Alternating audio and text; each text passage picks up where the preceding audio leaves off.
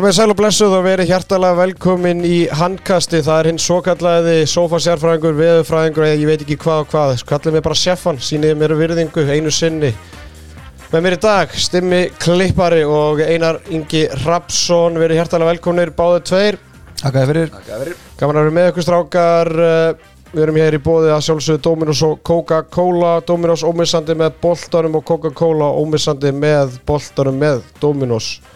Bílamiðstöðun Krókálsi 7 uh, Þau eru komin heim og uh, það er ekki að spyrja að því tveir tapleikir í, í röð eftir að strákvændar að bílamiðstöðinu komu en hafi ekki á ykkur, farið bara til þeirra þeir selja bíla og þeir uh, kaupa bíla ykkur og þeir díla og skvíla Ólís vinnur á vellinu, vinnur vegin Ólís vinnur handkassis, vinnahópur Ólís tilbúið mánaðar en styrmir. Það er kaff og kannelingja. Já, ég prófaði kannelingjuna Ég er meiri croissant maður en kannelingjan er samt góð svona inn á milli Ertu ekki að hýta hana?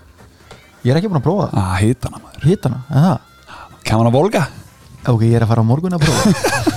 Æ, Það er taka þrjú.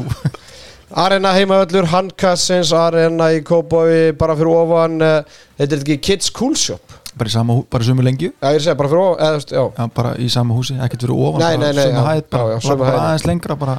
Já, og svo getur maður farið upp og, og farið í VIP-herbyggið. Vók fyrir heimilið, uh, eins og ég sagði síðasta þætti, þá, þá eru gardínur í barnaherbyggið og það er búið að panta það og það er allt bara á leiðinni. Sér, sér, sér, sér pantað. Herru, ég fekk skilabóðum daginn Já, Hérna, því að þið töluðu allt um ég var að fara að kopa barnarum já. Það var eitt félag minn sem ringdi og spurði hvort það væri komið þriðja í opnin Nú, nú, og, hva, og hvað er svarið? Nei, nei, ég, ég er að kaupa bara aðeins stærra en barnarum en allt er góð, við höfum haldið þessu bara þannig áfram Þannig að hlustendur góður, það er ekki... Það er ekki, það er ekki barnarleðinni. Good Goods, engin sigur, betra brað, keto, crunchy, strákarnir í Good Goods stiðja umfyllunum íslenska handbóltalandsli og vilja fá hana tandur reyna líkt og hún er sem oftast hér í handkastinu. Og svo er hann 66 gráð norður 66 gráð norður klæðir íslenska landslið og það klæðir einnig handkastið. Og við minnum á uh, kóðan á netinu. Styrmir? 66 handkastið. 15% off á öllu meðan á, netverslun á meðan á EM stendur. Og við getum eins og ég sagði á, í síðasta þættu, við getum þakka íslensku strákuna fyrir það að þið getið haldið áfram að vesla á eh, net síðu 66 gráður norður. Strákar mínir, uh, milliriðarnir eh, hófst í dag en hann hófst eiginlega í síðasta umferð þegar að síðasta leikurinn í riðlakeppninni fór fram umöðulegt tapum móti ungverjum. Einar útkominninga til að fara inn á leikum móti þjóðverjum en ég væri til að vita bara svona hvernig voru síðustu tveir sólarhingar hjá þér bæði bara sem personu og líka sem fyrrum handbóltum að ég get alveg ímynda með það að þú hefur alveg fengið einhverjar spurningar um þetta allt saman. Já, ég, maður einhvern veginn er brotinn sem bara íslenskur handbóltamaður bara undanfarna viku einhvern veginn. Maður kom ótrúlega bara með kassan úti fyrir mótið, bjóst við einhverju flugvöldarsýningu eins og bara flest allir, alveg sama hver var spurður, hann leit bara á pappirana og bjóst við bara meiri flugvöldarsýningu heldur en hefur verið. Mm, eftir hann ungur að leika þetta þá bara svekkjálsið og bara búið að gera lítið úr ykkur einhvern veginn, bara handbóltarsamfélaginu með þessum leik, þannig að ég er búin að vera brotinn. Brotin en ekki beigður Já, beigður en ekki brotin Ég er nefnilega var alveg brotin sko. Æja, ok, það, það verður bara að hafa það en uh, ég get allavega sagt ykkur það strákar að uh, það voru tveir hlustendur sem ringdi í mig í ger bara einhver.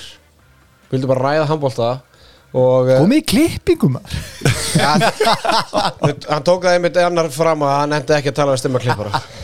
Ég er sko hlæðslan á sefanu núna á símanum. Það lítur að vera bara stanslist hlæðsla glórulega sko. Og það er líka með síma frá 2010 sko. Þannig að þetta er bara hann er hlæðslu bara allan daginn. En uh, bara símanúmeri hjá Sefanum er á jafnbundris og það er alltaf gaman að fá bara einhverju random símtöl og, og hérna og spurningarnar strákar og símtölu og samtölun ég ætla að tala líka stundum með vini og fjölskyldumöðlimi og, og, og aðra og hérna umræðan í gær og í dag.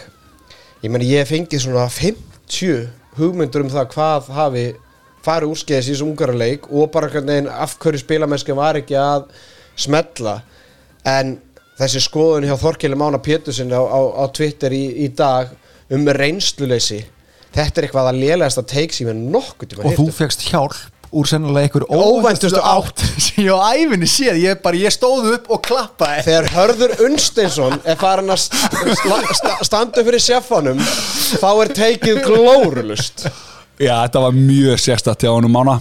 Hann er svona ég veit ekki, fótboltamegin í lífinu hann í Garabænum Og- hann, hann, hann, bara elskar að stuða. Já, ég, ég veit ekki hvað þetta kom eða. Ég, hann kannski veit bara ekki nógu mikið um bara okkar drengi sko.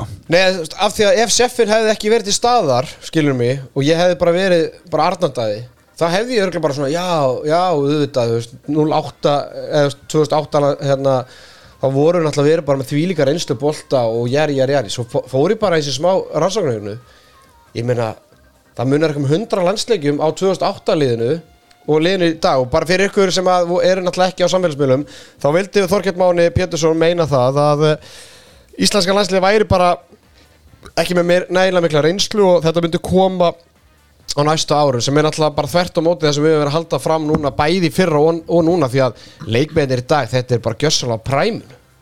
Ég meina er þetta ekki præmið að vera 26 til 27-8 ára á sínum ferli þegar allir í hlutverkum í sínum liðum þýsku búndislíkun í mistardeldin annarkvort að spila með norsku mistorunum veist í Pólandi, Ungverjalandi og, það er til göttum hennar Málega bara við erum að bera úst, Ómar og þessa stráka sama við Aron Pálmarsson þegar hann var úst, á þeim aldir og þetta, þá var hann bara bestur í heimi sko og úst, reynsluður þessi ekkert hjá honum. Þannig ég veit ekki, ég veit ekki nákvæmlega hvað leikmann hann er að tala um sem, sem vantar reynsluna sem að úst, sem að stingur svo Nei, stökku, nei, nei. skökku við sko. Og hann hérna kastaði líka fram sko að tveir einslumestu menn í liðin okkur í dag eru Aron og Bjöggi með hvað 400 okkar leiki af þessum 1400 en menna Bjöggi er bara rosa lítill faktor í þessu liði í dag versus tveir einslumestir venninar okkar á olimpíuleikunum í setni voru Óli Steff og Guðjón Valur sem voru sko tveir líkilmenn sem spiluðu allar Já, þannig að þú veist liði núna ætti eiginlega að vera bara miklu betur í stakk búið fyrir þetta heldur en þá en svo bara spurning út að samsetningin árið 2008 hefði bara verið miklu betri og Já, úst, er, hann, er hann að vitni það að Viktor Gísli sé ekki með það mikla reynslu? Úst, 2008, Bjöggi var nýrein 2008 þannig að þetta svona einhvern veginn heldur ekki vatni. Er ekki bara heitt kakó og teppi á mánan og, og bara sendur bara til hverju í Garðabæði Jú, jú, ég hitt hann á te og kaffi í vikuna hann var með heitt kakó þar. Já, hann, er, hann var, hann hann var sko, undirbúið sig. já, heldur betur. Herðu strákar, hérna áður við höldum áfram og, og rýna í Baker Tully þá heyrði ég í góðvinni þáttarins maðurinn sem var alltaf á símanum í síðasta á síðasta orðmóti Sifu Sigursson og uh, ég spurði hann aðeins spjörun út þetta tapa móti þjóðverjum í kvöld uh, batamerki á, á liðinu en uh, hvað sást þú svona sem að hinn almenni áhorandi sá ekki? Já, klárlega bata með sjöliðinu, vörnum stóðu mjög vel og hérna, en svona, það gekk erfilega fyrir okkur að skapa færi í leiknum og, og, og ég vil meina að stór hluta því sé vangeta línumannan okkar að blokka niður vörnina, að stoppa hliðafæslun á vörninni.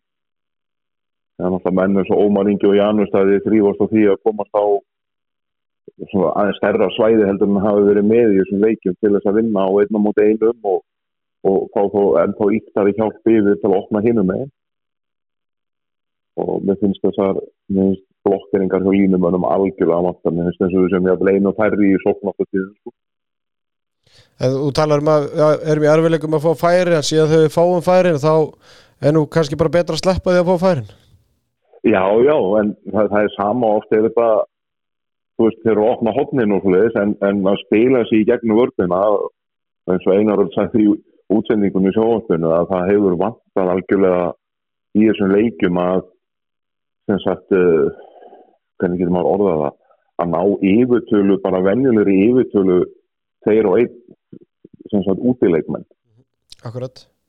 Og það hefur vantað svolítið og það er þessi mann geta finnst með línumannana ja, að binda vörnina niður. Og það hefur ekkert með hæð eða styrk eða þingd að gera. Það hefur bara með kennslu að standa blokk og vera með tímasendingar Akkurat. Og hérna, hvað hérna, se- segðu okkur fúsi, ég get ímynda með það sem búið mikið að gera hjá þér í, í fyrstbúðinni síðustu daga og, og, og þá er alltaf íslenska landslið eflaust uh, til umræðu, hvernig finnst þér svona íslenska liðið hafa verið að spila undir stjórn nýs þjálfara og, og framistæða liðsins hinga til á mótunum, kannski á, fyrir þennan leik?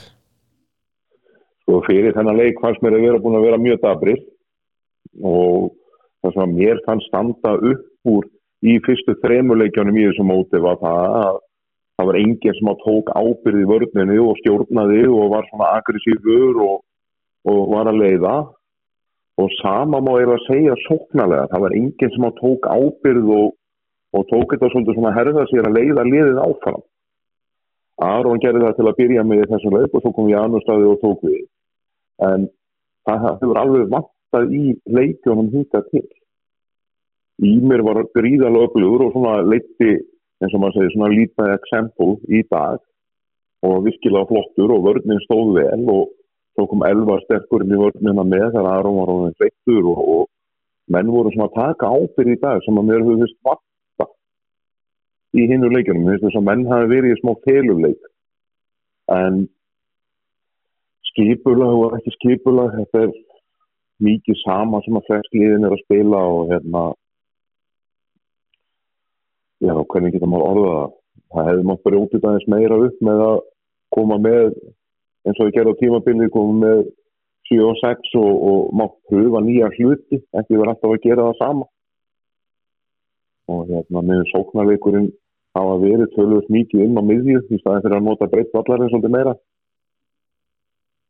Sem hefur oft verið önskan í íslenskum handbóta að fara með allt inn á miðju en svo veit maður ekki hvað, hvað hefur lagt upp með og, og hvernig líðin er að breyðast í séðan við því og, en þetta hefði mátt vera aðeins svona frjóari hugsun í, í sóknarleiknum og, og meiri ábyrg sem að menn taka í varnarleiknum. Það er svona mín tilfinnum fyrir þessu.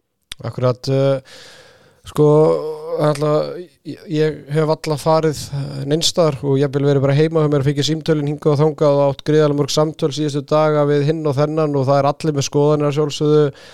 Uh, maður sá það núna líka í dag að menn voru farin að kalla á það bara ég vil að leikmið þurftu nú að fara að svara fyrir. Það umræðinu var svo að leikmiðin hafi vilja gumma gum burt og, uh, svo, svo sa, segir Sagan líka það að leikmiðin hafa bara vilja að fá Stóra Steins til þjálfara, nú er Stóra Steins komið til þjálfara en framistaðan sem var fyrir þennan leik veist, var allar bóðuleg veist, hvernig finnst þér svona veist, umræðan einhvern veginn um uh, andlega líðan strákana umtalið hérna heima spennustíið uh, hvort að væntingat þessi og, og miklar gæð, eru gæðin ekki nægilega mikið allt þetta, hvað er svona þín skoðun að þessu bara svona rétt í lokin?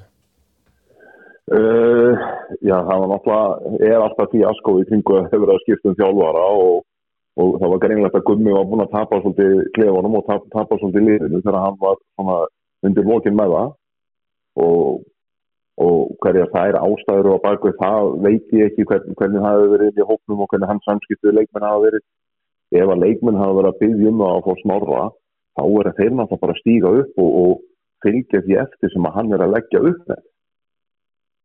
Og hérna og stíga upp og sína það þeir séu tröstinsverð uh, svo er búið að vera tölvöld umtal og umtal líka að menn, sem margir menn hafa verið séu nýkomur fyrir meðslum og séu kannski bara 70-80% en ég er þá því að menn verður þá bara að sína smá ábyrg og segja, herru, ég er ekki rétt í þetta verkefni og ég verð bara heima.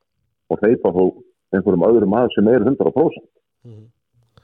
og það er bara svona leikmaður sem að getur gefið 100% í leiki er alltaf betri heldur en eitthvað sem að gefa bara að gefa 70-80% saman hversu góður það er heldur betur og, og, og, og ég held að það veri enn en Rósilin Happagat sérfræðingsins þegar ég sagði það að Gísleð Þorgi væri veikleikin í íslensku, íslensku sóknarleiknum og hvað kemur á daginn, jú, Janus Staði bara besti leikmaður liðsins í, í kvöld. Já, já, og svo náttúrulega Ómar Ingi bara skuggina sjálfum sér. Já, það er næsti maður sem að seffin þarf að ofinbæra um það hver er næsti veikleiki því að Stóri Steit verðist ekki sjá þetta sjálfur. Nei, nei, en, en það lagaðist ekkert mikið þó að Viggo hafði komið inn á varðana.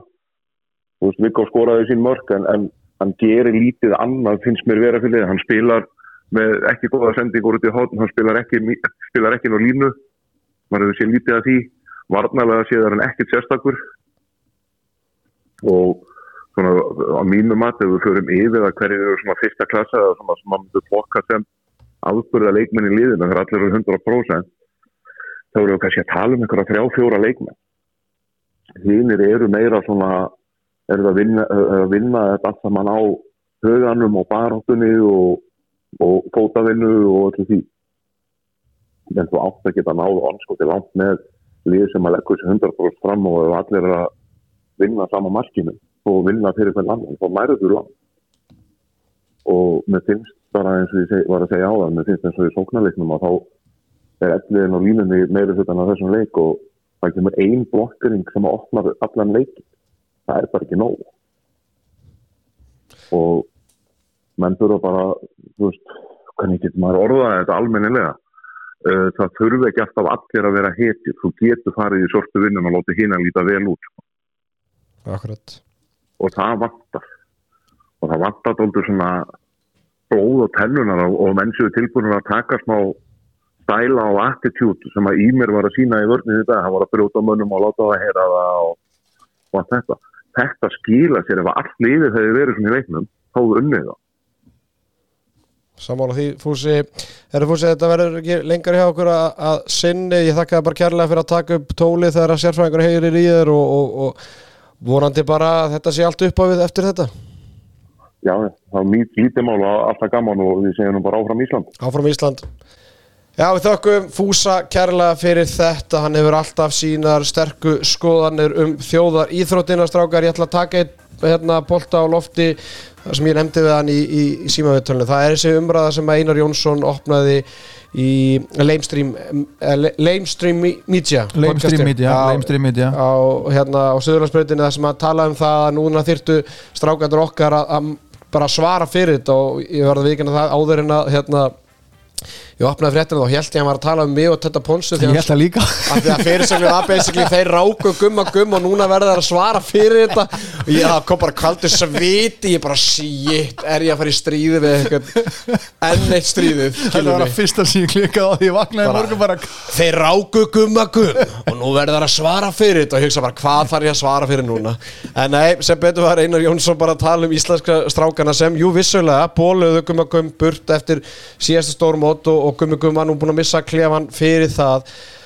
Framistaðan í fyrstu þrejum leikjunum uh, var ekki eitthvað sem að bjóst við að því maður einmitt bjóst við því að þarna var, myndu menn bara mæta endur nærðir eitthvað með nýjan þjálfara og bara þú veist menn með finnan hatt í fótboltanum og voða gaman. En einar, er ekki hægt að segja að svarið hafi komið í kvöld þrátt fyrir tveggjumarka tapmúndi þjóðurum Jú, ég, sko, maður sá bara einhvern veginn attitútið í liðinu var allt, allt annað heldur en vera í þessum fyrstu þremilegjum það er svona það var ákveðin samhælni innan hópsins. Koma náttúrulega nýjir leikmenn inn í, inn í leikin sem kannski hafa verið minni hlutverki í reyðlakeppninni en maður sá strax bara öðru í sig yfirbræð yfir öllu, þú veist, menn voru svolítið inn á vellinu líka bara að tala, gefa smá svona, já, bara aðeins að augra hvorum öðrum sem hefur bara vantað í reyðlum, það hefur bara alls ekki verið neins svona stemning eða einhvers konar svona vægð yfir liðinu. Þeir hafa bara verið svolítið í sitt hvoru lægi og maður sá algjörlega í dag að það var greinlega búið að bara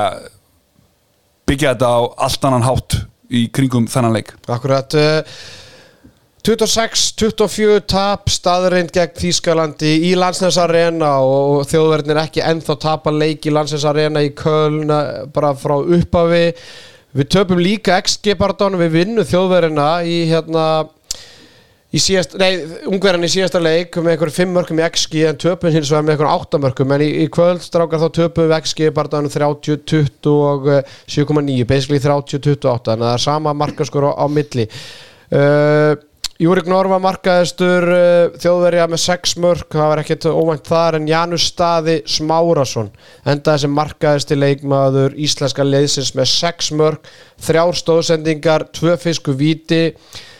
Strákar, þetta er bara enn einn rósin í, rósin í nappagat sjefans og, og þú klottir einar. Ég meina, eh, horfir ekki bara á mig og hugsa bara hvaða Ótrúlegur. Ótrúlegur. Já. Ég, þetta er bara hann var einn af þessum leikbreytum sem kom inn í leikin í dag sem bara ég, ég er ótrúlegur. Já, þú ert Já, ótrúlegur jú, jú, já. ræðum mig aðeins. Já. ræðum mig, halló, Jú, ég þarf við- smá aðtöku Já, það er búið að þakka ótrúlega mikið bara fyrir þitt framlag. En í dag þá náttúrulega eins og þú segir réttilega Janús kemur bara og breytir sóknarleik leysins bara til hins miklu betra. Uh, Þú veist, ég veit ekki hvað ég skal segja. Það er búið að sofa svolítið á honum hann er ekkert fengið og bara svona eh, eitthvað svona leysa af mínútur það sem af er móti en í dag var klálega búið að taka ákvörðunum það að hann ætti bara að bera hitta á þunga sko. Heldur betur og, og við náttúrulega erum að tala um það að seffin hafi talað um það að Gísli Þorgi væri veikasti hlekkurinn í, í sóknarleik íslenska landsleisins einar þegar þú heyrður þetta í síðasta þætti helstu að seffin væri að skjóta langt yfir eða va- varstu sammála þessu? Nei, ég er algjörlega sammála því að Gísli er ekki búin að vera þar sem að við viljum og höldum og meinum að hann eigi að vera skilur hann náttúrulega hefur alls ekki fundið sig. Uh, breytinga var þörf og Janus lá bara beinast við ekkert að taka af þér. Ég, úst, ég efast ekkert um það að- Aldrei, aldrei taka neitt að sér Nei, en ég efast ekkert um það að þeir séu búin að svona vera að pæla í þessu e, úst, ekki einhvern veginn bara eins og með annað þeir hafa ekki þórað að taka skrefi til þess að gera þessa breytinga sem að þurfti greinlega til þess að fá bara öðruvísi stemningu, öðruvísi svona momentis flæði inn í sóknarleikin sem að gekk ég vil ekki segja fullkomlega en gekk mjög vel með innkomu Janus það Janus var bara frábær og stimmið sko, þegar maður horfir á þetta af því að við verðum að gera okkur grein fyrir því að við erum ekki inn á landslagsæðingum og skilum og auðvitað hefur þjálfarinn einhverja sína skoðun? Skilur mig, og, og, og þú veist, það er leikmenn er að fitta einhvern veginn inn í það sem hann vil spila og, og ég ber alveg virðingu fyrir því. En þegar maður sér síðan Janus staða koma inn af þessari, af þessu eldmóð inn í liðið, mm skilur mig, ég veit það alveg hann er búin að vera fyrstur og þú veist það er þjóðveri og það er allt undir og bara, þú veist bara íþóttamaður og frábær handbóltamaður en maður velti því fyrir sér. Janus staði er miðjumæður í Magdeburg Gísli Þorger er að koma tilbaka eftir gríðarlega slæm meðsli og, það hefur ekki farað fram hjá nokkur manni á Íslandi að hann er að koma tilbaka eftir axlameðsli sem að segja sér sjálft að axlameðsli er aldrei vinur handbóltamanns maður velti því fyrir sér á, eða þú veist, af hverju er Gísli Þorgeir búin að byrja fyrstu þrjá leikina undir stjórn Snorra Steins skilur mig, nýkominum meðslum þegar er, þú ert með miðjumann eins og Janus Staða sem er búin að vera að spila með Álaborg, hann er búin að vinna dönsku deildin um Álaborg, hann er búin að vera í Kólstað hann endar í Magdeborg, jú vissulega var tíminas með göppingin algjör vombriði en hann er á leiðin í Pikk Segget sem er stærsta leið í Evrópu.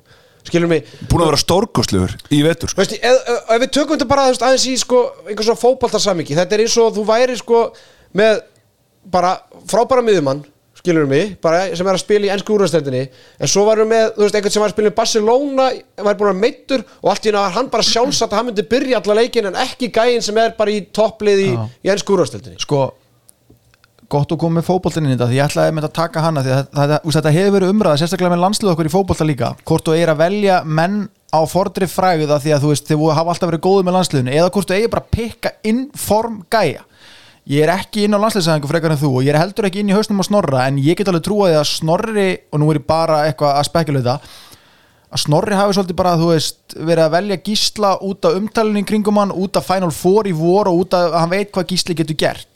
En við sáum hann bara í kvöld eins og bara líka með bara einkomi ímis það er kannski bara best núna fyrir landslið okkar að velja bara þá gæja sem eru heitir. Veist, velja heitu gæjana þú veist, taka stundu bara eitthvað svona eins og veist, það hefur verið umræði kringum aðlandslið í fótbolta taka bara þá gæja sem eru að spila vel núna en ekki að vera að velja eitthvað Gudjónsson sem eru búin að vera góðir síðustu tíu árin eða þetta gekk stundum með Ragga og Kára þótti var ekki að spila, komur alltaf á brilleru og ég hugsa Snorri hefur bara, veist, það, bara, það var ekki talað um annað fyrir þetta mót en hvort að Gísli er tilbúin bara frá júni þannig til í desember, svo bara var hann tilbúin og kannski við Snorri bara að hugsa ég verða að spila honum og svo bara fatta hann í kvöld bara hey, let's go, veist, þetta er ekki að ganga. Chefin sagði þetta. Já, ég, ég er sko hann er átt alltaf að byrja mótið. Veist, bara svona með við hvernig svona umtali var, hann var komin í gang veist, hann náttúrulega bara var sjóðandi áður en hann meiðist er að koma inn og svona, hann byggir liðið svolítið í kring kannski, hann, eigi að koma svo bara á hann að sjá það strax. Bara á móti Serbanum, hann er ekki á staðinu sem við viljum að hann sé.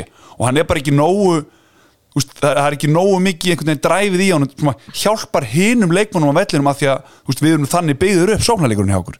Þannig að veist, hann átt að byrja mótið en svo bara á, við áttum að grípa inn í miklu, miklu, miklu fyrr með það að fá Janus inn í hlutverkið í staðan fyrir einhvern veginn að vera að leysa af.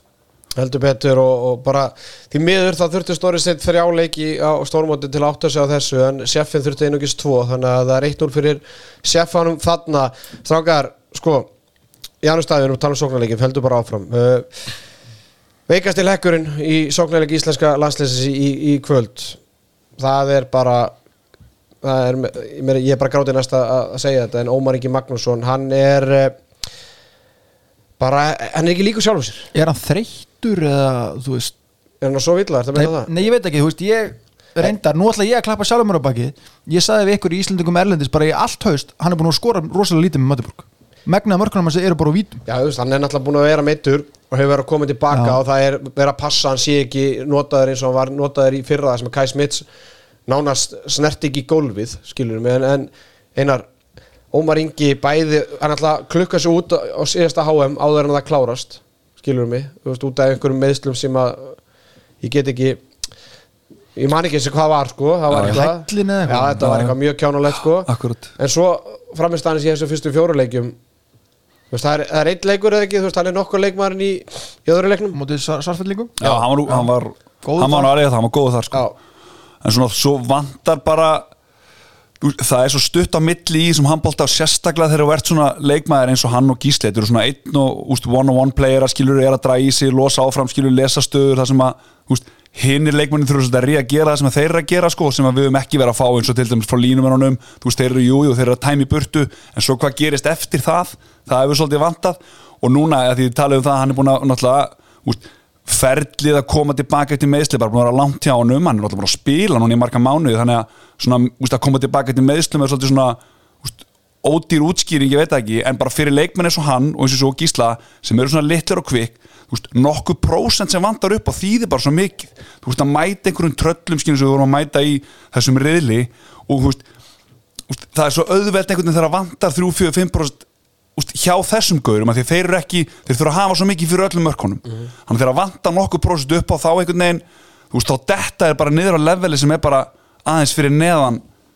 það sem maður ætlast til þeirra og ég, ég rætti þetta við hérna Fúsa áðan og, og, og, og nefninni mitt, þú veist, Viggo og Fúsi vildi meina það en kom ekkert eitthvað rosalega mikið meira úr, Viggo. Viggo skora þrjú marku, fimm skotum, eitt marku víti, klikka tjóðum vítum líkt og Ómar sem náttúrulega klikkar líka enn einu vítinu á móti. Viggo með fjórar fjögurskopi færi og, þrjátapa bolta. Hvernig, ef, ef við bara förum í leikin á laugardaginn, þú veist sérðu fyrir þér að Ómar byrji ennett leikin eða heldur það sé komin tíma og núna að Viggo fái Nei, sko, Ómar, hann kláraði leikin ákveðlega í dag, sko. Hann átti þarna, fyrir utan alltaf þetta víta klikk. Já, já, fyrir utan alltaf víta klikki en svona, hann held okkur þarna með þessu markinu að koma næst yfir. Úst, það kom alveg mómenta sem hann er að losa boltan vel og þau svona þegar, úst, það var svo úst, skemmtilegt að sjá í dag þegar boltin fekk að ganga þá einhvern veginn maður er bara svona, hvað er þetta búið að vera? Úst, af því að þetta er einhvern veginn það sem að maður er búin að vera að sjá, úst, ekki sér stopp ekki alltaf einhvern veginn að lenda á einhverju vegg. Úst, það koma bara flæði, boltin var bara að ganga fjóra-fimm sendingar og galopi færi. Það er svona, úst, ég held alveg að við séum að fara að byggja á þessum leik með þessum hóp. Og, og, og Ómar klálega náttúrulega bara úst, leikil maðurinn í þessu og, og hann heldur alveg klálega áfram í að vera okkar go-to leikmaður að hæra megin. Heldur betur. Strákar Svari Fitnessport he- heyrði í mig núna bara rétt áður en ég kom hérna inn í Dominos stúdíu og hann vildi vera með eh, bara spurningu á okkur báða og uh, mér, mér fannst hún heldur persónleg og, og, og spurði Svar finnst þetta að vera réttmætt og hann sagði já, veist, þetta verður að koma og ég bara allt í lagi, þú veist, og, og spurningin er einföld bara, hvor er hvor talan er læri? 40% hjá stimma klippar eða skotindinginni óður, óður, þó ríkar sinna á þessu móti Ég ætla að lefa einar yngar svara því að ég veit svarið.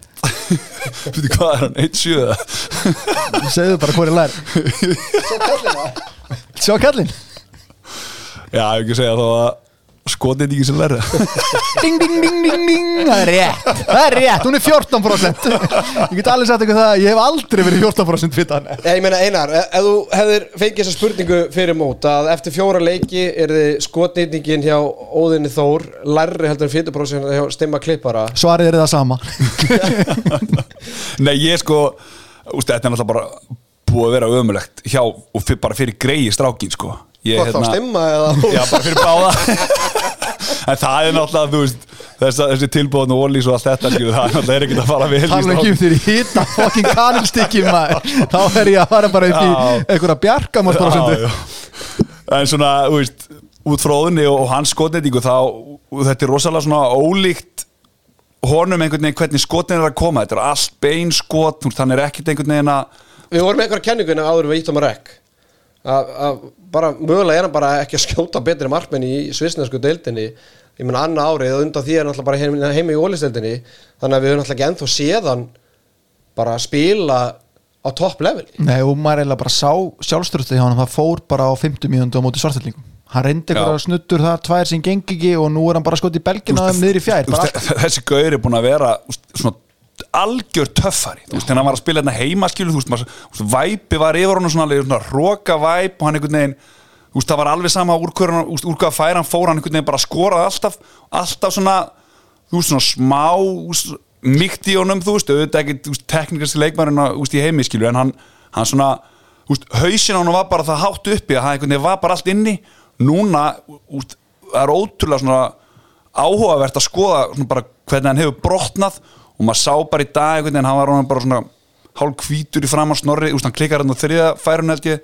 Og þá einhvern veginn snorri verður að taka hann út af. Snorri gerir ágætlega, hann leifur hann um að spila hann að tvæð þeirra sóknir áður hann að tekur hann út af. Og Sigvaldi kemur svo inn og fekk svo hraðablöp strax.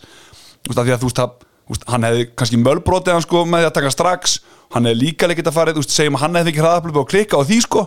Úst, þannig að þetta er rosa svona Ég að kunst. Ég ætla að segja eitt einar að því að ég er mitt pælt í þessu og ég sem hérna gríðarlega reynslu mikill þjálfari þú veist, ég hef oft hugsað þetta þú, þú sko það er bara langbæst að taka manni bara út af strax já, af því að maðurinn líður ekki vel ja, inn á- honum er ekki gerðu greið að vera inn á er að já, já, það, því já. að, það, að því að hvað er versta sem Hotmar gerir það er þegar hættir að taka færið skilur mig Já, já. og, og hérna að því, að- veist, að því að Sigvaldi var gerði þetta líka eða, eða hvort að Óðinn, Óðinn alltaf byrjaði hræðilega líka í þessum öðru leik sem hann byrjaði og þá einhvern veginn let Snorri Sigvaldi bara byrja að hita upp samt að bara einhverja tímundu búin að leiknum og ég hugsaði bara svona shit, þú veist, ef Óðinn fær bara nýtt færi þá, þú veist, það er, já, já, já. það er bara meiri líka, þú veist, að því að þó að Óðinn myndi skora eitthvað næsta þá er hann samt, veit bara það, með 1-4 í nýtingu og ég held, og ég held 1-4. meira þess að þó hann hefði fengið eitt fara að skora þá hann samt tekið hann út af sko, því það. hann var aldrei að fara að treyst honum þú veist, í síðustu 7-8 mínútonum hvernig sem það var sko fyrir einhver hlustund, eh, sem er að, þjálfa taki bara leikmann ykkar út af strax að þetta er bara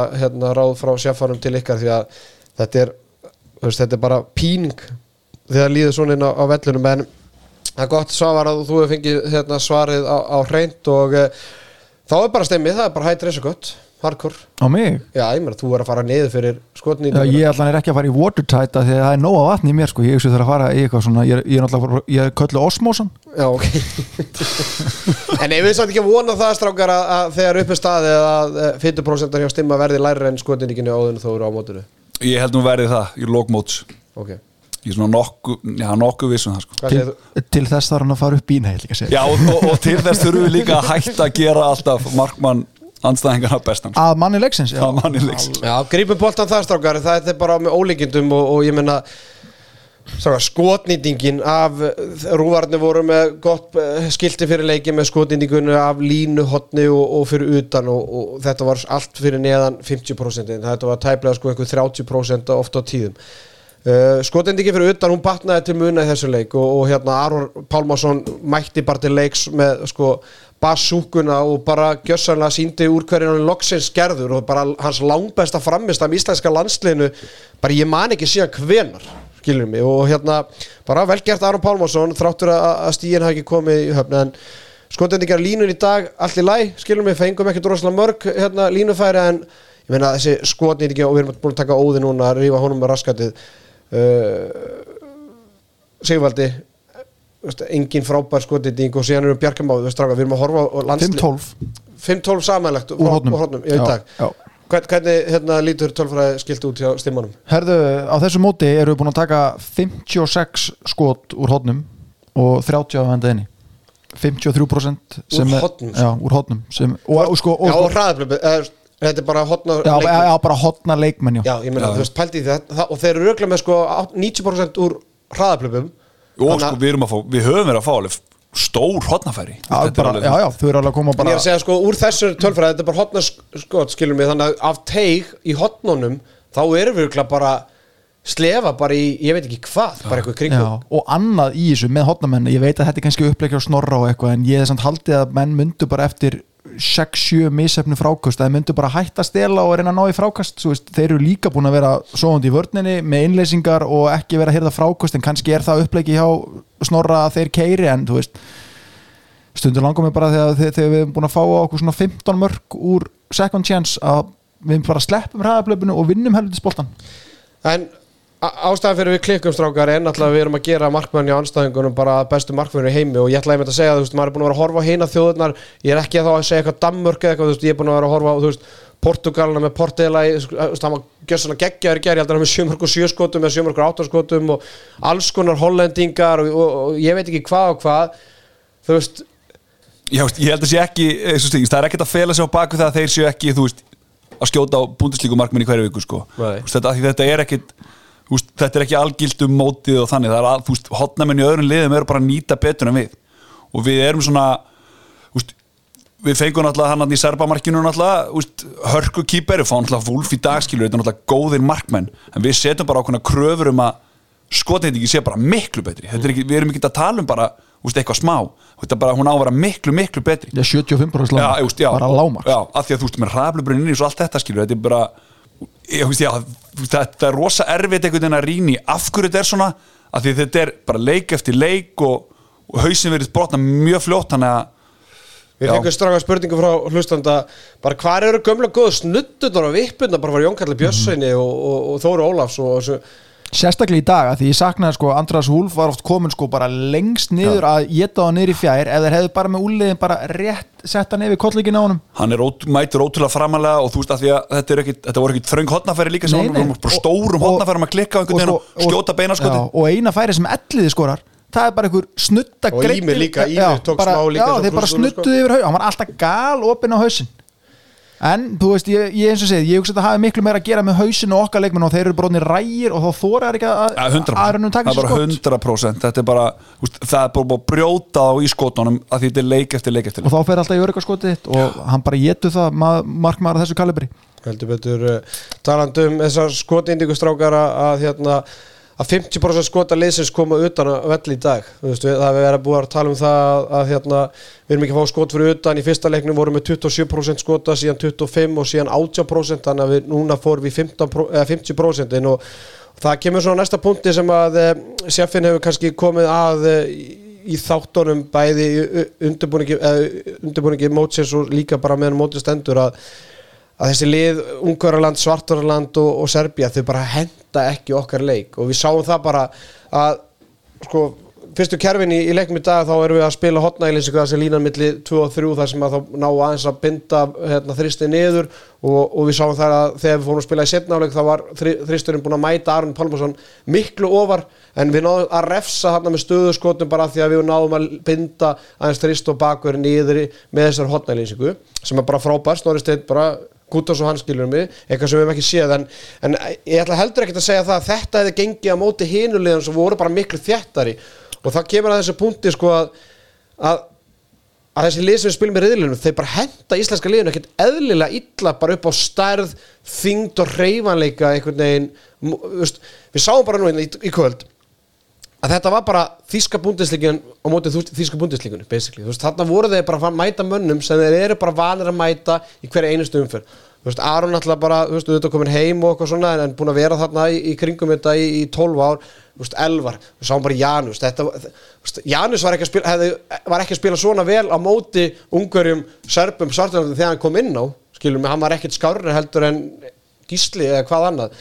En þannig að maður velti fyrir sér sko og stimmið þú einmitt varst að veltaði fyrir á hann þú veist, hvað hefðu þið geta gert betur á móti ungurum, serbum og svartveldingum fyrst það er mattsa okkur svona illa? Því að við getum ekki sagt bara, er, við, töp, eða bara við hefum lélega leika því að er bara mattsa maður þarf náttúrulega alltaf að finna ykkur á lausnir eða stimmið Já, þú veist, ég er náttúrulega ekki með lausnina það sem að, ég, kannski ég klóra með mest í höstum yfir að við erum búin að eigi vandræði með þau í tíu ár og við erum ekki anþá komið lausnina en þú veist, ég sá eitthvað í kvöld sem ég hef bara ekki séð íslenska landsliði gera háa herrnastíð, við fórum í 7 og 6 þú veist, er Eina það lausn? Já, eina sókn, nefnir að þú veist við, sko, þú veist Snorri er búin að fá lítinn tíma með liðið og mér veist ég var svona sama, hvað er, hvað er plan B okkar, hvað getur við gert öðruvísi? Já, það er eins.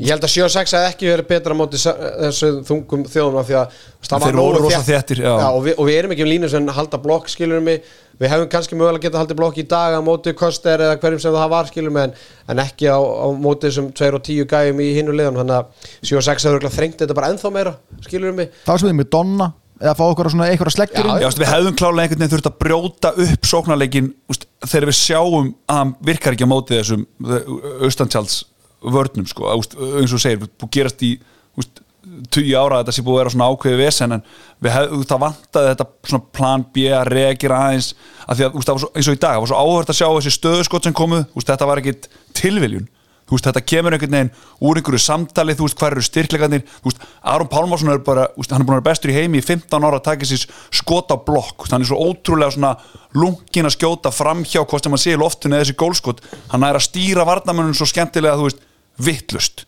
þannig að hendin er alltaf svona laus það sem að, veist, hann setur hann undir hann veist, bara strax á fyrstu mínútonum í setni áleik þá svona, Alfred var alveg klálega búin að nefna við það þeir stóðu miklu betur á hendi og svona svarið væri raunin látið hann þá fara tilbaka, getur hann breyka skilur á þetta, hann er að úst, ég veit ekki hvað hefðu getið gert betur? Klála bara upplegi hefði ótt að vera betra. Það var bara lélegt. já, það vantaði bara einhvers konar taktík inn í leikin til þess að og gera þetta bara betra. Snorri Steinn að vann með þetta bara gæði anstæðingarna skiljum hann er bara, þetta er hans fyrsta mót og þetta er bara fyrsta sinni sem hann mæti bara Sartrandi eða Serbíu. Þetta, það er ekkit, þú veist, maður þekkir það bara eða þú veist, maður heyrt það bara frá þjálfurum sem er hérna heima, er að, bara í Evropakeppni þú veist, það er voðalega erfitt fyrir að meta styrkleika með því að vera að horfa á, þú veist, Serbía Kosovo, skiljum, eða Serbía eitthvað, þú ve- veist ekki alveg svona hvar þú hefur þitt lið mótið þessum anstæðingum, þá er bara erfitt einhvern veginn að, þú veist, það er erfitt fyrir þjálfara FA að meta styrkleika með því að horfa okkur fjóra leiki í serbnesku dildinni, já, skiljum já,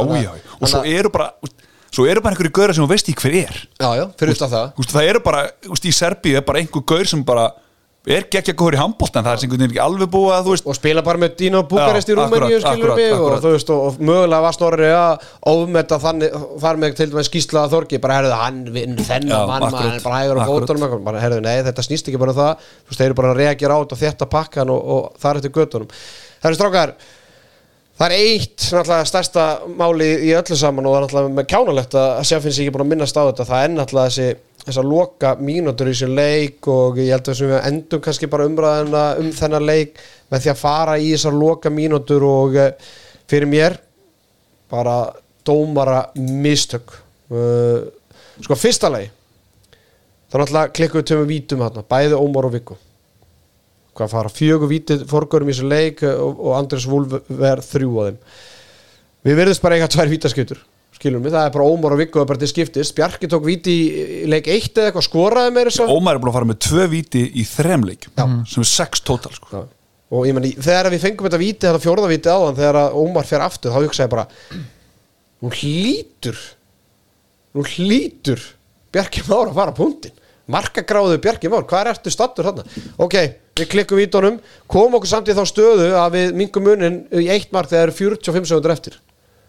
Hendin fer ekki upp fyrir það er eitthvað 15 sekundur eftir að leiknum og þeir valla búin að stíga yfir miðlínuna. Nei, þetta er galið. Ok, það er eitt og sér bara galin hefðun hjá Makedónunum síðan ætla þegar Júri Knór dripla boltanum, grífur boltan og dettur og bara mjög augljóst að hann fyrir boltan í jörðun í kjölfarið sem er bara tvígrip samkvæmt því sem að ég sé núna á samfélagsmiðlum að þá er líka spurning hvort að Júri Knór hafi tekið skref í kjölfarið. Og svo síðan alltaf Julian Köster sem skorar sér hefumarkið, hann verðist taka fjögur, fimm skref á, á, á, á hérna áður hann drippla niður og tekur síðan síð, síðustu þrjúskot en að einar, veist, þetta er risa stór moment sem að ég get rétt ímynda mér það að íslensku strákunar, sérstaklega stóri styrn og þjálfarteimi sem er búið að vera að berjast í gegnum þetta séu brjálaðar yfir. maður sá alveg snorri fyrir utan alls konar aðra, aðra dómi í leiknum. Og þetta er líka svolítið svona ástæðan maður kom svolítið dofin einhvern veginn inn bara núna í kvöld maður einhvern veginn, þú veist, ert að grínast. Veist, þetta var einhvern veginn loksins þegar strákunni já, sína smá sína, þú veist, alveg attitút og eitthvað í gangi svo er þetta einhvern veginn þú veist, fullt af mistökum, vítin og klikkuðu færin og allt þetta og, svo, og endan og var bara þú veist, allavega stíði tekið frá okkur með þú veist, tveimur, þremur atvikum sem að, og ég meina að tala um þetta veist, þú veist, nei, hérna Knordæmi, hann, hann er á miðlínu við stöndum yfir honum, við erum bara að fara í ræðum og skora, sko. Já, þetta er bara- er við erum bara að fara upp, hann er aftast maður á vellinum, sko. Já, og ég yfirtölu í þokkabót Já. þannig að Já. það hefur verið En bara einhvern veginn sko þegar ég sá þetta dómarapar og við varum að spila mútið heimamönnum í þeirra höll þá vissi ég að við erum ekki að fara að fá neitt. Segðu hlustandum af hverju þú hugsaðar þetta. Uh, Þessi dómarar hafa verið bendlaðir í rannsóknum með ekki TV2 í Danmarku við veðmálasvindl uh, voru þeir ekki teknir? Það er sko, það er búið að sa- sanna eða þeir telja sig að sanna eitthvað en samt eru þeir ennþá að dæma, ég þekkit ekki nákvæmlega sko. En þeir telja sig að hafa nokkuð góðar heimildi fyrir að þeir hafi þegi mútugreistur í gegnum tíðina. Ætli ég hef ekki verið onna á þessum leikjum? Pottitt og hérna þannig að þeir eru mjög eigum að segja svona umdeildir og það þykir eða nána sanna að þeir hafi hérna, tekið þátt í ykkur á hans að ég hafi það alveg 100% skráða Já, þetta er líka eitthvað svona, veist, það verið að veluna þá svona eftir að, veist, þetta er svona, veist, þið voru flotti núna, aðeins að veluna þá, þannig að þeir eru að vera flottir aftur nær, þetta er svona, Já, veist, og er ef, mjög, og ef við teljum okkur uh, að við séum með hrókafull pör hérna á Íslandi að dæma sko, þá bara eiga þeir ekki breyki þess að tvo það ring, rignur upp í þeim sko. þeir eru svo flottir. Heldur betur. Stráka, við erum komnir uh, hingað. She Ok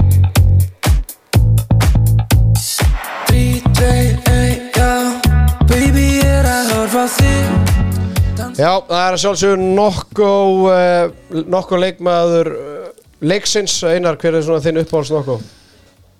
Ég er nokkuð að drekka nokkuð Já, Pff, Ég er kaffi maður, ég er ekki í nokkuð honum maður. Stefnir, segðu okkur hver er þinn uppáhalds? Það er að límón eða? Nei, ég drekki þetta ekki heldur. Ég, ég er bara í body fuel. Já, það er uh, kalda kæðir og okkar Nei, styrtar nei, ég er Ramonade maður. Já, ég fæ- og ég vil hafa hann héla en ég er bara, þið fara mjög illi með orkudrykkinni, við skulum fara meiri, meiri við það síðar en hérna, en, Þetta er svona ónæmis pjessi Eh, Nei, ekki alveg þannig en, hérna, ef ég fæ, en ef ég fæ mér þá er það Ramonade Er það ekki hann að ég sem er í svörtu dósinu? Jú, jú, svört og grá. Já, hann líka, úst, líka þegar, hann er, úst, þegar hún er köld Það er svona gaman að svona, aðeins að svona taka hrímið af henni Heldur betur, en hver er nokko leikmaður leiksins styrmir? Herðu, sko mjög jákvætt í þessu skipti var ég í vesenni að því að það kom eða þríti greina. Vanalega hef, hef ég verið í vesenni að því að ég veit ekki neitt hvernig ég var að velja. En vali stóð á milli Janusar, Viktors og Ími sem allir voru frábærir og bara nokkur að koma bara sérstaklega með Ími og Viktor þar sem þeir eh, hljóta ekki nafnbótuna þeir voru flottir í kvöld. En Janus staði, hann svaraði svolítið kallinu sem að sjefið var búin að vera að kalla eftir og þess vegna er hann nokku leikmaður leiksins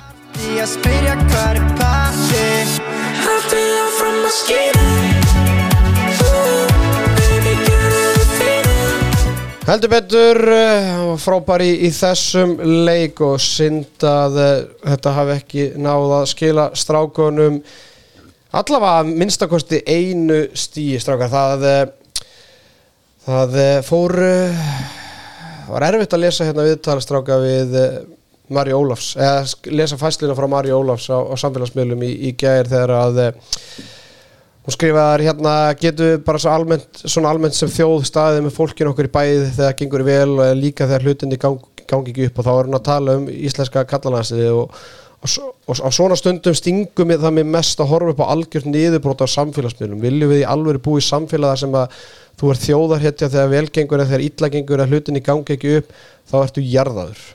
Tekur undir þetta einar? Ég tek kannski ekki undir samaburðin á Mari Ólafs og, og handbóltalansliðinu sko.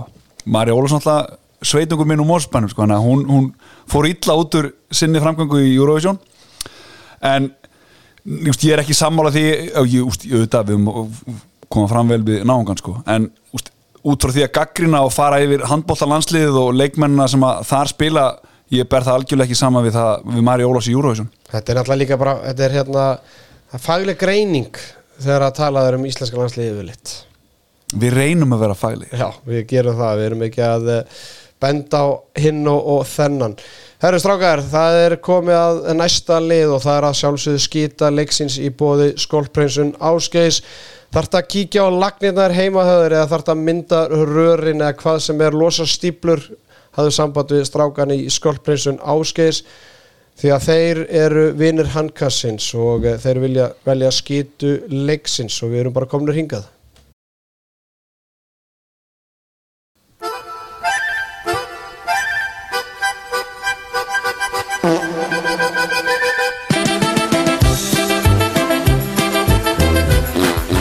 Já, skýta leiksins í bóði skólprinsun Ásgeis Stimmi Klippari, hver er skýta leiksins? Það er fytur prosenta mín Það er svo leis Nei, það er skotnindingin hjá Óðinn og bara framist að hans bara á þessu móti hinga til og sérstaklega í kvöld. Bara við ætlum að senda hann upp á herbyggi til hans í Köln og, og kipi þessu liðin fyrir lögadaginn Heldur betur, uh, ég, við þurfum bara að senda gæja beint upp á hótel 301 til Óðins og það, þeir græja þetta bara engar áður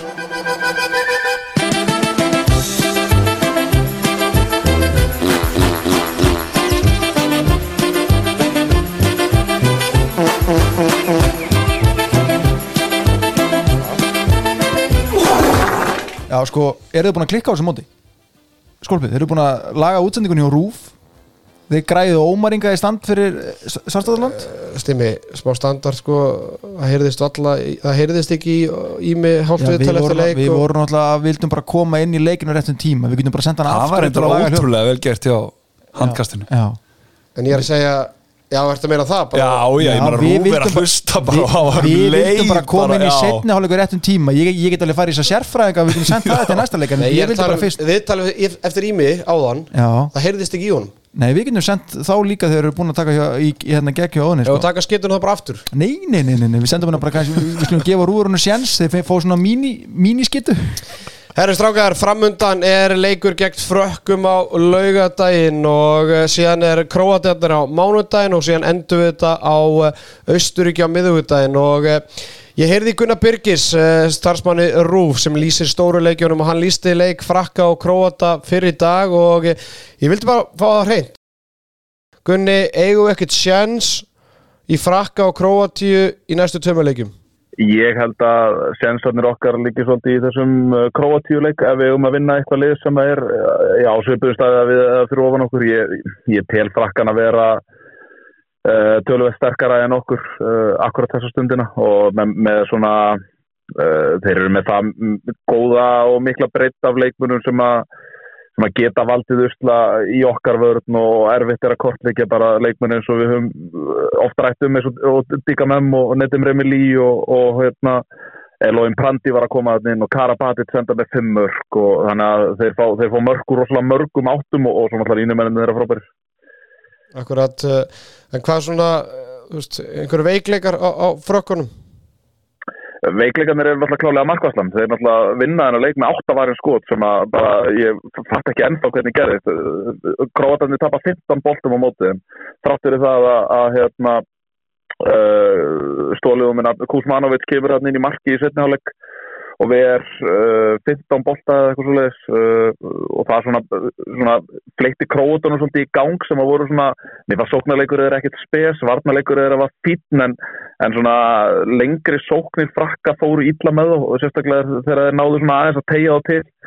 En, en mér fannst uh, svona heilt yfir fannst mér frakkarnir eiga sigurinn mjög, mjög mikið skilið og hérna og króatarnir eiginlega bara þú veist með svona tannis ég þakka fyrir að, tapa ekki stærra og það hefur að miklu leiti með það að gera ég hef litla trú á, á Samir Bellatene og, og, og Remi Desponet í, í franska markinu og það er svona kannski þú veist, ekki það, við erum, við erum snillingar að skjóta þessa markminn í gang en, en mér finnst það vera svolítið hérna þú veist, eitthvað sem við ættum að horfa í að þetta eru markmenn sem eru með svona ekkert, mann finnst þess að þessi ekkert með brjálæðislega mikið sjálfstörust og, og það, svona, það vantar svolítið upp á þarna tengingin á milli, milli mark, markværslu og, og hérna varna.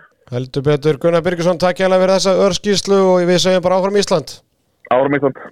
Hvað segir Einar eh, eftir að hýrt þetta frá þessa skíslu frá Gunnar Birgis uh, byrjum bara að leiknum á, lögatum átti frökkum, frakkandir eru alltaf með fullt úr stiga í reilun með fjögur stig Austuríki með þrjú, Ungverjar tvö þjóðverjar tvö, Króatar með eitt og við erum á botnum án stiga þetta er alltaf bara Þetta er náttúrulega bara síðasti séns fyrir íslenska landslega að þeir alltaf ennþá komið sér undanúrslitin, höfðu það bara alvar hreinu. En hvernig líst þér án að leika á laugadaginn bara það sem þú séð á frökkunum og séð náttúrulega bara framistu íslenska landsleisir í kvöld?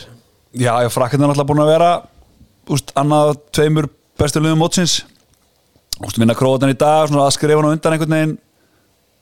Úst, þennan leik, þannig að bara leik, áttu sigurinn skilið og, og koma bara svona fullir einhvern veginn orku inn í leikin þá móti okkur sem að við einhvern veginn erum bara nýta sem að byggja einhvers konar byggja upp og áfram á okkar spilamennsku sem var í dag. Uh, upp á það, einhver talum að koma okkur undan og að það sé bara mjög langsótt og eiginlega ómögulegt. Við, við lifum í trúni Já, við lifum í trúni en við sjáum, þú veist, frakkar núna konum með fjögur stig á móti þá þjóðverum og krótum sem eru svona núna eins og staðanir í dag. Annað og þriða besta liði í reilnum þjóðverðinni vinn okkur og eru svo farið svona til þess öðvöld program þannig að já, já, ég veit ekki uh, úst, hvernig við horfum á hana leik við þurfum bara að byggja upp á því sem við gerðum í dag, úst, fá þetta attitút úst, vera svolítið vissir á því hvernig við ætlum að spila leikinn, þú veist, úst, hafa áfram trúna á Janusi, úst, áfram á Ími úst, ekki byrja núna eitthvað reyna að vera sniðu í skilur, byrjum bara byggjum á þessu, höldum áfram og, og, og svona komum það bara frekar upplýðir inn í þannig veist, það getur allt veist, eins og, veist, við eigum alltaf þennan eina leik sem að svona, höfum átt alltaf þennan eina leik sem að svona verður algjört bingolotto, sko, bara allt gengur upp og það geti bara, eins og ofta áður verið á móti frökkunum, Uh, þeir koma kannski væri kærir, eins og ég sagði, skilur þeir eru svona, konum með annað fótinn í undanúslitin, þannig að maður veit svona ekki alveg hvernig þeir nálgast þetta og við að samanskapi svo farin í Króatan og farin í Östuríki sem eru ótrúlega mikilvæg leikir Hvernig horfður horfður á þetta stemmi? Já, þú sagði reynt manni vettur ekki taka spilnaða frá. Þú veist, við erum bara, við erum þar núna og hérna ég ætla samt alveg að viðkjanna, ég er ekki sérstaklega bjartist fyrir hennar leik en eins og einar ekki segi, þú veist þá höfum við sínt það í gegnum tíðina þegar við erum einhvern veginn eins og sært dýr út í hotnu og mætum frökkum, þá höfum höf við ótt verið að hitta á, á, á þessa leiki og eins og Gunni kom inn á þú veist, markverðin þeirra er ekki góðir Veist, þetta er í fyrsta skipti í 20 ár sem við mætum frökkum og þeir eru ekki passaði, góða markverð passaði Já, við erum að skjóta, eitthvað við erum að skjóta í gang. Já, það er spurning hvort, að strákunir í Íslandi bjóðu upp á mann leiksins. Það setjum við annarkot markmannin. Já, ekki spurning eh, Það verður fróðald að sjá hvernig þetta þróast. En í hinnið milliriðlunum þar eru Danir og Svíjar með fullt úr stiga fjögur stig, Portugal og Sloveni eru með tvö stig og Norrur og Holland án stiga, Norrmennir í basli og eh, þetta lítur ekkert allt og vel út í baróttunum umspilsæti og ólipjöleikunum því að eh, Portugalarnir og Slovenir auk, hvað, Östuríki og Já, það eru þau þrjúlið sem við erum að berjast við, þau eru bara öll fyrir ofan okkur og við þurfum alltaf að minnstakosti stig held ég Já, mér sýnist það. Það verður bara að segja en kannski alltaf þrjústi geta næði, það ekki? Svo lengi sem við erum jafnir Östuríki Já. og Íberis Já, Já, já. en kannski ágætt að koma inn á það fyrir þá sem ná að hlusta á þáttun er ekki algjör handbólt að kláma eða þessi stað annað kvöld á föstudaginn er ekki Danmark svíþjóð á morgun Jú. það, það verður leikur Það verður leikur Það verður leikur. Og það verður líka leikur í ólisteil kvenna á, á næstu dögum og því að við erum konni bara hingað. með léttkortinu frá Símin Pay. Sæktu léttkortið og byrjaðu að borga minna. Sagtu Simen Pay appið og byrjaði að borga hvenar? Núna, nei, ég ætla samt að borga setna þú ræði, Já, já, en það er ekkert árgjöld. það er alltaf geðu Það er ekkert Gekkjað árgjöld. sko, ég var skíða fyrir næstu ykkur sko Já, Já. bara njóttu. setni tíma vandamál Ég borga bara í sumar sko Þú ert svo mikið að njóta þess að vera ekki hérna. Hvað er, konan ekki að fara með þér? eða? Ég henni á bóði með, Já, en hvað? en hún fer ekki með Nei, nei, það er ekki að spyrja því en það er bara brjála að gera hjá stelpunum í, í fram og það var umferð, heil umferð á miðvöldaginn þar sem að framstelpunar jú vissulega unnu nýjamarka sigur á IBVF afturðið vann K.A. Þór 23-13 mjög aðteglisverð og, og lítið markaskor þar Valstelpunar unnu toppslæðin uh, í beinu útsendingu á uh, Siemens Sport, eða bara í sjóarpi Siemens 30-19 og stjarnan tapaði síðan heimavelli 21-24 og jú, Gunni Giskar var með 100% rekord. fjórir er fjórir. Já, það er ekki að spyrja því. Næsta umferða á laugadaginn allir leikinni klukkan 1 og síðan er bara landsleikunum gegn frökkum 14.30 stórleikur í Vespanum IBF Stjarnan í opinn dagskrá í sjónvarpi Síman Spotify að sjálfsögum með handkastunu og e, það var, spurningi var einföld í dag. Hver verður markaðistir leikmaður íslenska landsleisins Janus Staði, hann endaði sem markaðistur og e, við höfum dreigið út sigurverastimi Já, það er hún Hulda Guðnadóttir. Það voru ekki margi með þetta, það voru nokkur en hún Hulda Guðnadóttir steig, stóð uppi sem sigurveri Ég vil meina það að þeir sem að höfðu rétt fyrir sér og Gisko og Janus þau að hlusta á handkast í síðastan þættu og, og bara reiknað 1 plus 1 uh, Gísli Þorgi verður Þetta er ykkur selfisingar að 100% Já, og já, þið láti Arnanda fá smá hluta af velunum já, já Ég var til í einn kassa af uh, ein, einum vantar ísköldum búm. já, honum vantar smá svona klapp á baki fyrir hvað hann að standa sig vel. Já, það er ekki nóg að klappa bara sjálfur á sér baki endalaust, maður það var nú gaman eða fleiri myndu nú klappa bróðlega á baki á sjefanum, það er, er ála það er verti á sjefanum og eh, alls konar gummi fjörfiskar mættir á uh, samfélagsmiðluna til að reyna að uh, fella kongin, en þú ert að fara að yfirgjöfa okkur Já, ég er að fara til ungverðast núna. Í, hann er að fara á heilsuhæli, hann er að fara að hjapna sig eftir öllu sig Já, það er ekki að spyrja því.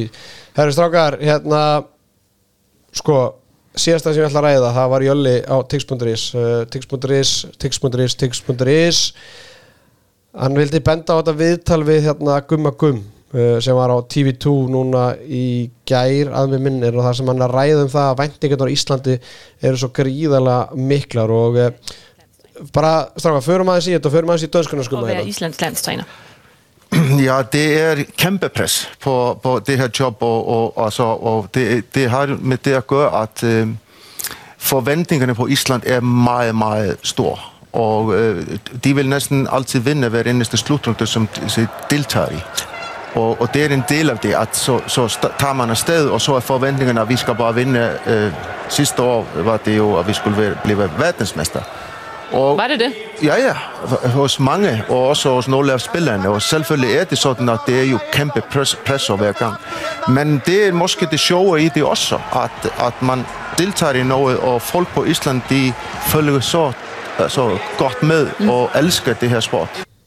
Sko, ok, Gummi Gum talar hann að þetta er nú frekar einföld danska og hérna, en hann er spurður bara hvernig er að þjálfa íslenska hérna kallalandsliðið og hann talar bara um það að væntingarnar séu bara ótrúlegar á, íslenska landsliðið og, og, og hann talar einmitt um það að í fyrra hafi margir haldið og vilja að íslenska landsliðið er heimsmeistar og sagði mér að sumi leikmenn hafi haldið og hún sagði, hún spyrir fréttakona virkilega og hann sagði eitthvað já, þú veist það er bara farið af stað og síðan á bara að vinna alla leiki og, og hérna, en síðan einhvern veginn fannst mér eins og í lokið þá talar hann samt um það hvað það er samt eitthvað skemmtilegt og frábært þú veist veist, ég veit Það alveg svona smá ég veit ekki alveg hvert hann að fara með þetta þú veist, Já, er þversögn við sjálfan sig já, er það ekki? Það? Já, Já, eða svona kannski að reyna að vin- vinna sig aftur inn í hug og hjörtu þjóðurinn sko. ég man ég sá, veist, Rúf bjóð til eitthvað svona, svona smá klikkbæk fyrir svona í ger og ég sá þetta og ég bara í álfurni, ég var brjálar hlustaði á þetta, svo var hann bara léttur og var bara að segja hún að þetta er væntum hvað við værum byluð sko. Já ég, úst, þetta er bara hár rétt hjá úst, Ég meina við erum, úst,